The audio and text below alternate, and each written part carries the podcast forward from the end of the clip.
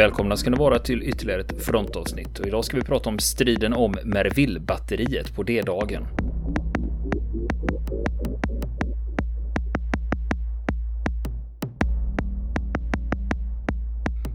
Merville-batteriet säger du? Ja, jag tänkte vi skulle snacka om, eh, om det här eh, batteriet. Har du varit i Normandie någon gång? Nej, inte så långt. Eh, nej, det har jag faktiskt inte. Jag har inte varit vid landstigningsstränderna. Jag har varit i Le Havre. Eh, mm. Och Etretat, det ligger också i Normandie. Ja, Men utöver det så har jag inte varit, eh, jag var inte på landstigningsstränderna då. När jag var där. Mm. Och det var just lite det. innan jag började möpa ner mig rejält som jag var där. Så att det, mm. idag hade det inte varit någon tvekan. Va? Nej, då, då har du en del framför dig där. Kan jag säga. Jag, jag har varit där några gånger och, och nördat runt naturligtvis och tittat på de olika, och, eh, olika stränderna och så vidare. Och där finns ju hur många historier som helst att berätta om, om D-dagen och vi har ju en, en poddkollega som ägnar sig just åt D-dagen. Niklas Kristoffersson ja. Just det, där får vi påminna om hans podd. Mm. Får göra. Den är mycket lyssningsvärd. Men eh, i det här, eh, de här avsnitten framöver så tänkte jag vi skulle bredda bilden angående ett enda batteri. Och det är ju ett av de mest kända eh, av de tyska försvarsanläggningarna eh, från, eh, från D-dagen 1944 eh, som, som det här handlar om ehm, ett av de, de tyska eh, kustartilleribatterierna som, skulle, som ingick i Atlantvallen och som skulle eh, hjälpa till att mota den allierade väntade invasionen. Eh, invasionen då som man inte visste riktigt på den tyska sidan eh, vilket kustavsnitt den skulle komma på. Eh, I alla fall fanns det ju olika åsikter om det och den dominerande var ju att de allierade, uppfattningen var ju att de allierade skulle ta den kortaste vägen vid Calais och det var ju något som de allierade själva underblåste med desinformation och, och vilseledningsåtgärder av olika slag för att få tyskarna att tro att man skulle, skulle ta den kortaste vägen över Engelska kanalen. Och det var ju där också som Atlantvallen var som starkast, mest väl utbyggd. Eh, men det fanns ju också röster eh, på den tyska sidan som eh, misstänkte att eh, de faktiskt kunde välja ett helt annat avsnitt. Och där bland annat Normandie dök upp i diskussionerna. Även om, även om det var en, eh, de, de flesta tycks ha trott att det ändå var ganska osannolikt att de skulle komma den vägen. Eh, men som sagt Atlantvallen då som helhet, det var ju en, en, en ganska vansinnig idé egentligen att bygga ett, ett fast kustförsvar eh, hela vägen från, eh, från eh, Pyrenéerna vid fransk-spanska gränsen längs hela kusten upp till Danmarks nordspets, Jyllands nordspets. Det, det blir ju ganska glest emellan. Ja, Ja, precis. För man hann ju inte, man hann ju inte bygga ut det här på djupet och det var ju väldigt glest mellan försvars, eh, eh, försvarsstödjepunkterna och eh, försvaret på de flesta sträckorna av den här av Atlantvallen. För, därför att det fanns helt enkelt inte tillräckligt mycket arbetskraft, tid, betong och så vidare och så vidare för att kunna bygga ut en, en sån försvarsanläggning som Hitler drömde om. Men det var väl ändå Rommel som mm. ansvarade för det? Det var Rommel som ansvarade för det naturligtvis på eh, i alla fall i så mått att han, han eh, hösten 43, sent på hösten 43 fick uppdraget att göra en inspektionstur längs hela Atlantvallen för att eh, kolla hur, hur väl utbyggd den var egentligen och ta reda på hur saker och ting låg till. Ehm, och eh, sen fick han ju själv kommandot över, över en del av den här försvarslinjen eh, i praktiken då, eh, när han blev armégruppschef i norra Frankrike. Så han hade ju aldrig befälet över hela Atlantvallen. Ehm, men, ehm, men över honom så fanns det ju en annan fältmarskalk då, en, en äldre kollega som hette Gert von Rundstedt, överbefälhavare väst. Och de här två hade ju lite olika uppfattningar om hur, hur eh, försvaret mot den väntade invasionen skulle gå till och dessutom hade vi Hitler i sitt högkvarter som hade väldigt bestämda uppfattningar om hur det skulle, skulle ske. Eh, det fanns ju två olika skolor. Ska man ha ett statiskt försvar eller ska man ha ett rörligt försvar? Och eh, där, där eh, flera av de tyska pansargeneralerna i, i Frankrike förespråkade ett rörligt försvar, att man skulle, man skulle koncentrera pansardivisionerna i något land, stora rörliga reserver som skulle kunna slå till stenhårt mot eh, de allierade var de än landsteg. Och sen hade man idén med det statiska försvaret som bland annat eh, Hitler och eh, delvis även Rommel förespråkade att man måste möta dem direkt på stränderna. Därför att, eh, därför att till skillnad från ett vanligt anfall till lands mellan två stridförande, krigförande parter så, så börjar ett anfall starkt och blir sen svagare och svagare. Men en, en invasion på det här sättet börjar ju svagt och blir sedan starkare och starkare.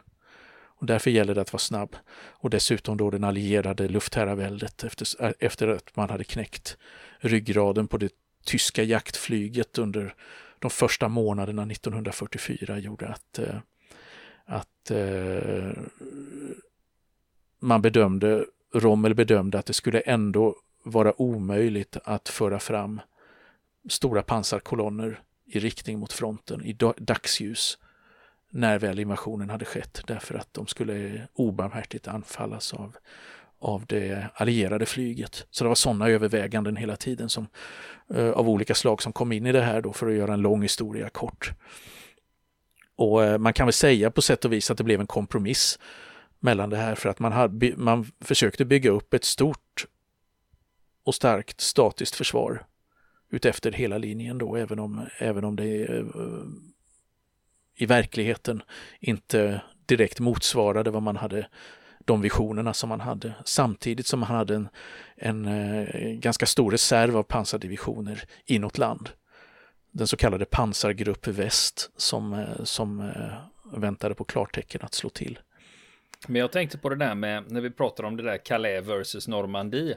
Vitsen är att Normandie buktar ju in i landet så om du gör en mm. landstigning där då kommer du ju längre in i landet med en gång. Då har du ju mindre. Eh, du har inte lika långt att behöva ta dig. Nej, så, så kan man ju se det också. Eh, men jag tror inte att det var så det som var tanken, utan tanken var att välja en strand där man misstänkte att tyskarna inte var riktigt lika mycket på sin vakt och inte lika mycket närvarande som eh, vid Calais. Eh, man skulle, skulle helt enkelt lura, lura tyskarna att, att hålla uppmärksamheten riktad mot fel ställe. För sen var ju förbindelserna över kanalen mycket längre vid Normandie än de hade varit vid Calais. Så att ja, det är olika, olika sådana såna, eh, överväganden som fanns där. Men det fanns ju trots allt en del ganska imponerande anläggningar i sig som blev färdigbyggda i Normandieområdet, i Normandiesektorn före invasionen. Eh, och ett av dem, eh, eh kustartilleribatterierna som sågs som ett mycket stort hot mot invasionen var det så kallade Merville-batteriet som ligger, eh, låg på eh, den östra sidan av invasionsfronten, eh, kan man, kan man säga, den blivande invasionsfronten. Och den ligger en bra bit i något land också, jag ska återkomma till det. Eh, och, eh, men hade då eldledare nere vid kusten då som skulle kunna dirigera in, in elden. Och det här, det här batteriet Merville då, det såg som ett stort hot av den brittiska underrättelsetjänsten eller den av den allierade underrättelsetjänsten mot invasionen och särskilt då mot de brittiska trupper som skulle landa på det som man hade döpt i planerna till Sword Beach. Som låg 13 kilometer från, eh, från batteriet. Eh, och man, eh, man befarade också att, inte, att de, det här batteriet inte bara skulle utgöra ett allvarligt hot mot trupperna när de hade landstigit. Man befarade också att de, de faktiskt skulle kunna skjuta mot sjömål, alltså mot själva invasionsflottan ute till havs. Och Sword Beach då, det var den brittiska tredje infanteridivisionens landstigningsstrand då, väster om eh, en eh, liten kuststad som heter Ouistreham. Och eh, spaningsflyg från den allierade sidan hade tagit eh, massor av eh, flygfoton över Normandieområdet och naturligtvis av det här om också var man väldigt intresserad av det här området med bunkrar vid Merville. Eh, en bit inåt kusten då. Utifrån storleken på bunkrarna så trodde den brittiska underrättelsetjänsten att det var utrustat med 15 cm pjäser. Och det var det som gjorde att de hade den räckvidden som gjorde att de skulle kunna skjuta långt ut i havs. Och eh, tillräckligt grov kaliber för att kunna eh, bedömde man anrätta ett blodbad nere på stränderna om de fick härja fritt. I själva verket, som det skulle visa sig då, så var det inte eh, artilleripjäser av den storleken som eh, tyskarna hade byggt där och eh, precis blivit färdiga med våren 1944, utan det var fyra kasematter med 10 cm haubitsar istället, av en tjeckisk typ, Skåda. Eh, och de var ett betydligt mindre hot än 15 cm eh, pjäserna då. Ehm, men, eh, men det visste man ju inte. Det hade, det hade man i, inte haft någon möjlighet att ta reda på från den allierade underrättelsetjänstens sida, hur det låg till. Utan man fick ut, utgå från det värsta tänkbara alternativet. Och att eh, man var fast beslutna att eh, de här bunkrarna måste förstöras. Och man hade alltså på den allierade sidan planerat att förstöra dem under en operation som kallades då för Operation Tonga för att avlasta landstigningstrupperna och, eh, och eh, undanröja det här hotet. Och vad var det här Operation Tonga då? Ja, det var en fallskärmsoperation, en luftburen operation för att säkra invasionskustens östra flank. Och det var den sjätte, brittiska sjätte luftburna divisionens operationer som skulle genomföras Eh, från eh, midnatt, natten till den 6 juni, ända till och med den 7 juni 44 som en del av Overlord. Då. Och det var ju både fallskärmsjägare och det var glidplansburna trupper. Eh, under, alltihop under befäl av en brittisk generalmajor som heter Richard Nelson Gale. Och det var ett antal mål man skulle slå till emot. Och bland annat ett av de mest kända är den här bron då, Pegasusbron.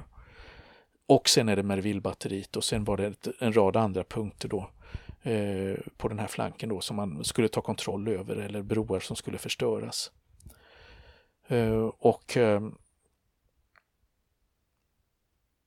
de här broarna då som eh, gick över Kankanalen och floden Orn då, man skulle, eh, där man skulle hindra, eh, hindra tyska förstärkningar från att eh, komma in den vägen eh, och kunna slå till mot, mot eh, invasionsområdet man var väldigt oroad då för de tyska pansardivisionerna, att de skulle sätta sig i rörelse. Eh, I slutändan så vet vi att Hitler vaknade sent den 6 juni. Därför att ingen vågade väcka honom. Och eh, när han väl gjorde, Eh, väl gjorde det så eh, tvekade han att sätta in pansardivisionerna. Han hade ju själv, ehm, han var ju den som ehm, hade förbehållit sig rätten att eh, bestämma över den här reserven av pansardivisioner när den skulle sättas in. Och han var inte övertygad om att eh, Normandie var, var eh, invasionen utan han var ganska länge övertygad om att eh, det var, fortfarande var en vilseledningsoperation eh, bara för att lura tyska styrkor iväg från Calais-området. Så i slutändan så var det bara en av pansardivisionerna som satte sig i rörelse. En ganska improviserad historia som gick under namnet 21 pansardivisionen. Eh, men det är en annan historia som vi får ta upp i, ett annat, i, andra avsnitt. Mm. Och sen har vi ju redan, Men, du, du och jag mm. har ju redan gjort ett avsnitt om Pegasusbron. Just det. När vi berättar Stämmer. historien om den eh, luftlandsättningen. Precis. Där. Precis. Så det, det, kan, man, kan, man, kan man gå tillbaka i vår backlog och lyssna på om man, om man skulle tycka att det, det här är, är, intressant. Och när man tagit de här målen, när de sjätte luftburna hade tagit de här målen då med Villbatteriet och Pegasusbron och en annan bro till, eh, så skulle man upprätta brohuvud runt de erövrade broarna och invänta kontakt med marktrupperna då som skulle rycka inåt land från, eh, från invasionsstränderna. Men teori och praktik kan ju vara olika saker och i synnerhet när det gäller militära operationer. Och när invasionen inleddes så fick man tampas med sådant som dåligt väder och dålig navigering och att många förband eh, spreds ut och hamnade på fel ställen och insatsen mot Merville var definitivt inget undantag från den regeln. Men jag ska gå tillbaka och prata lite grann om själva planen, hur den såg ut, vad man hade tänkt sig och vem som skulle sköta det här oerhört viktiga uppdraget. Och det är en ganska känd historia. Så vi börjar där med att berätta den historien som höll jag på att säga, alla kan om, om just eh, den dramatiska eh, brittiska stormningen av eh, Merville-batteriet. Eh, för att sen gå över till att berätta den betydligt mindre kända historien om vad som hände med Merville-batteriet efter detta. För att tyskarna återtog det här batteriet och behöll det sedan under he hela de följande striderna i Normandie ända till den allmänna tyska reträtten i augusti. Som en av de mest framskjutna punkterna i det tyska invasionsförsvaret. Och det är ju, Men dit kommer som, och det, är ju det som mm. gör att det här blir intressant för det här historien mm. om att britterna tog Merville-batteriet. Den är ju mm. välkänd, den känner vi till. Men det här med att tyskarna tog tillbaks det. Ja, det precis. lämnas ju ute ibland känns det som. Ja, precis. Det brukar vara med som en fotnot eller en bisats. Att, ja, och sen kom tyskarna tillbaka och sen nämner man ingenting mer om Merville utan, utan man, eh, man går över till att prata om de andra operationerna under D-dagen. Eh, men, eh, men innan det så kommer vi ändå ta sats i det i, och, ber, och, ber, för, och berätta om själva Operation Tonga och, och den brittiska fallskärmsjägarbataljonen som eh, hade fått uppdraget att, att storma Merville-batteriet då. Eh, och som jag sa, det var fyra kasematter, fyra bunkrar alltså som eh, var konstruerade för att eh, inhysa de här eh, artilleripjäserna. Haubitsar, alltså som skjuter i eh, höga banor. Och eh, det var en eh, anläggning som också innehöll en rad andra bunkrar. Där fanns ju flera, det fanns manskapsbunkrar, det fanns eh, kommandobunker, ammunitionsbunkrar och så vidare och så vidare. Eh, en ganska stor anläggning till ytan och den försvarades då av ett nätverk med skyttegravar, skyttevärn, kulsprutor, eh, en ring av ett minfält som gick i en ring runt hela området. Och eh, utanför minfältet så låg det två breda taggtrådshinder som jag ska beskriva det i detalj lite längre fram här. Eh, och så fanns det även luftvärn på området. En, eh, en luft, automatkanon eh, som skulle fungera som närskydd vid luftangrepp. Så att det var en ganska välförsvarad anläggning också naturligtvis eftersom det var en av de värdefullaste anläggningarna under, i det tyska invasionsförsvaret på den här sidan. Och i de brittiska staberna så kom man fram till att det effektivaste sättet för att slå ut batteriet var att göra en luftlandsättning. Och den som fick uppdraget att göra det, det var den nionde fallskärmsjägarbataljonen, Ninth Para, i, i brittiska sjätte luftlandsättningsdivisionen. Och där bataljonschef var en överstelöjtnant som hette Terence Otway. Och det, blev hans, det föll på hans lott att, att ta och förstöra batteriet. Och han hade under sitt befäl någonstans mellan 600 och 700 vältränade fallskärmsjägare. Och Terence Otway då, vem var han? Jo, han var överstelöjtnant som jag sa, skulle fylla 30 ett par veckor senare. Och han hade fötts strax före första världskrigets utbrott i Egypten där hans eh, far hade tillhört eh, eh, kolonialtrupperna. Och i januari 1933, en ödesdiger månad i, i historien, eh, speciellt i den tyska historien, det tyska maktövertagandet, så hamnar Terence Otway på Sandhurst, den brittiska militärakademin, som kadett. Och eh, han utbildades till officer där alltså tillhörde de bästa kadetterna, alltså toppskiktet i sin årsklass. Och det gjorde att han kunde, om han ville, få välja kolonialarmén i Indien. Vilket var en väldigt eftertraktad plats på den här tiden för brittiska officerare att hamna på därför att man kunde leva ett väldigt bekvämt liv där utan att drabbas av de här ohyggliga tropiska sjukdomarna som eh, de råkade ut för som eh, till exempel hamnade i, i Afrika. Eh, eller om, och så, och så kunde man också slippa de, den tråkiga kaserntjänsten hemma i hemlandet. Eh, så det var väldigt attraktivt. Indien. Men han valde bort detta och valde infanteriet istället, hemma i Storbritannien. En bataljon, en infanteribataljon i Gravesend.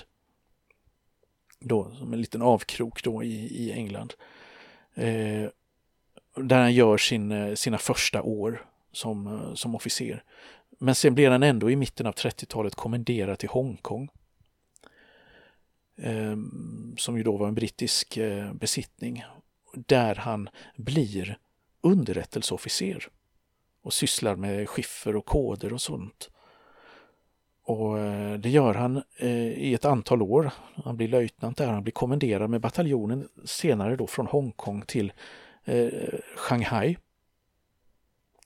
på det kinesiska fastlandet.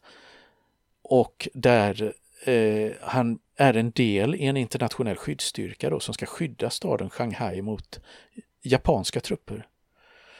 Eh, de japanska trupperna då som i flera år hade eh, lagt större större bitar av Kina under sig. Och där kriget pågick för fullt då mellan kinesiska och japanska trupper. Så eh, som en, man kan väl nästan säga som en slags FN-insats, även om FN inte fanns på den här tiden. Och eh, under fyra månader där så var eh, det förbandet som eh, Terence Otway tillhörde eh, utsatta för konstant bombardemang och beskjutning då från eh, den japanska sidan då och hade 20 stupade. Och efter det här så blev han förflyttad till Indien och hamnade där i alla fall då.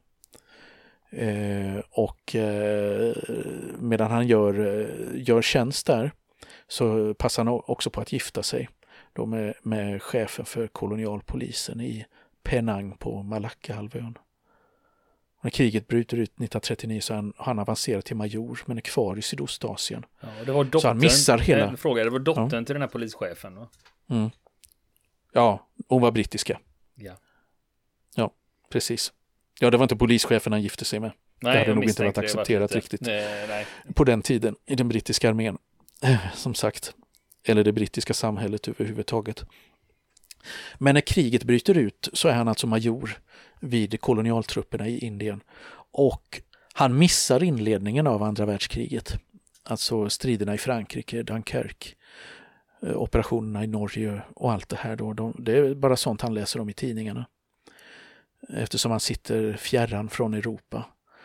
Ända till juni 1941 Alltså vid tiden då Hitler invaderar Sovjetunionen. Då flygs han hem till Storbritannien för att gå på en kurs på Staff College, en högre officersutbildning eh, under några månader som skulle förbereda honom för högre befäl. Och eh, efter, efter, några månader så går han ut som kursfyra då, fjärde bäst av 200 i den kursen december 41 och sen efter det så blir han posterad som stabsofficer hos krigskabinettet. Alltså i, i regeringen då. Där han, eh, där han eh, fungerar som ett slags militärt biträde. Så han befinner sig i maktens centrum där under 1942-43. En fråga där, med tanke mm. på hans utbildning och hans positioner och sådär, det låter ju ändå som mm. han hade ganska bra bakgrund. För det är ju väldigt hierarkiskt samhälle ja, det här. Jajamän, jo, jo, han, han kom från en, från en bra familj så att säga i, som var socialt accepterad i officerskretsar och han hade, var dessutom en briljant student och en duktig officer där. Vilket gjorde att han, han hade framtiden för sig så att säga på olika sätt och fick ju fi, fina eh, posteringar, eh, fina kommenderingar.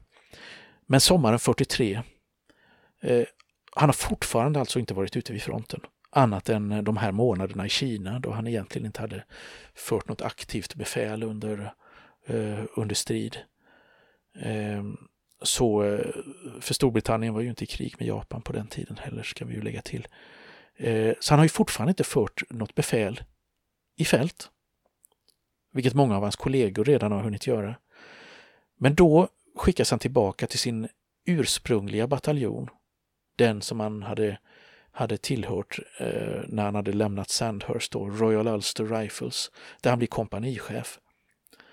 Och den bataljonen, den är avsedd att förvandlas till en fallskärmsjägarbataljon som ska tillhöra sjätte luftburna divisionen.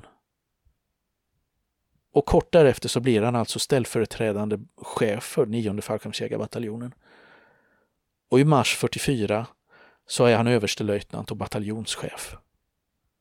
Så det är ett snabbt avancemang för en, för en officer som ännu inte har sett ett eh, skott avfyras vid fronten under ett världskrig.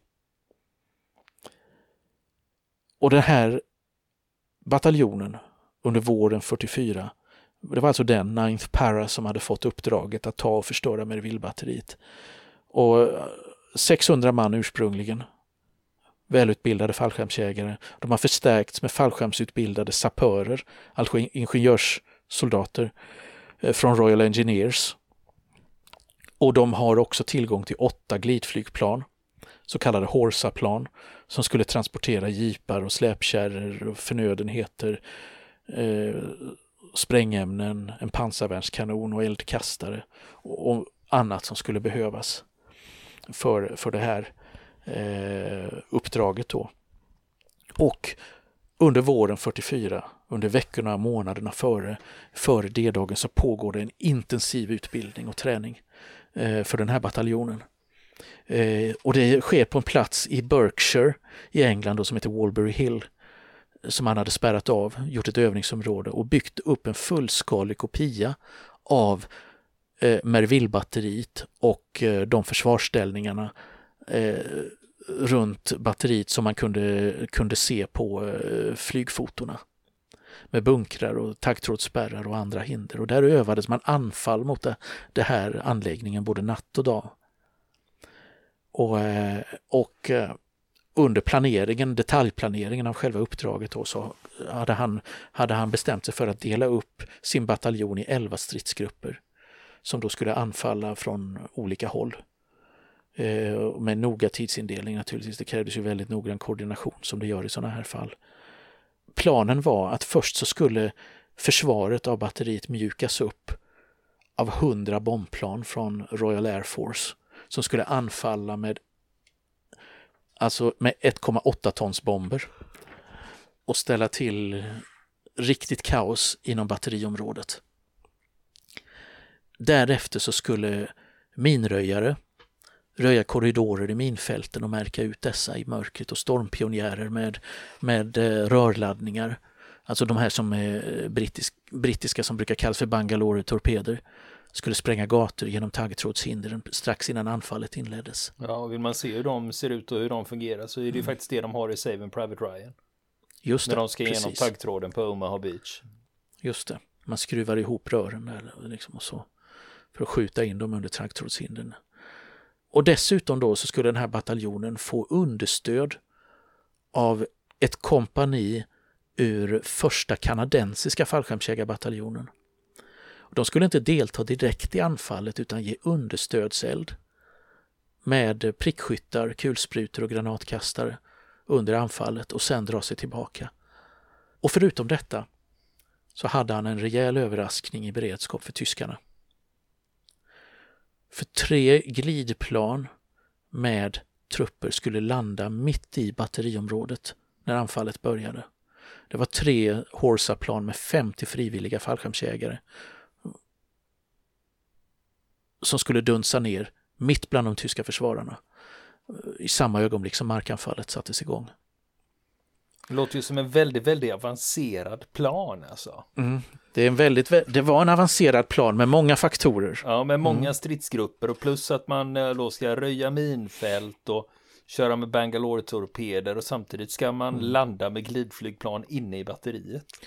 Ja, och, och, andra glidflygplan som ska landa på rätt ställen och, och lossa tung materiel som man ska hinna, hinna ta fram understödsvapen och fordon och, eh, och gud vet vad då.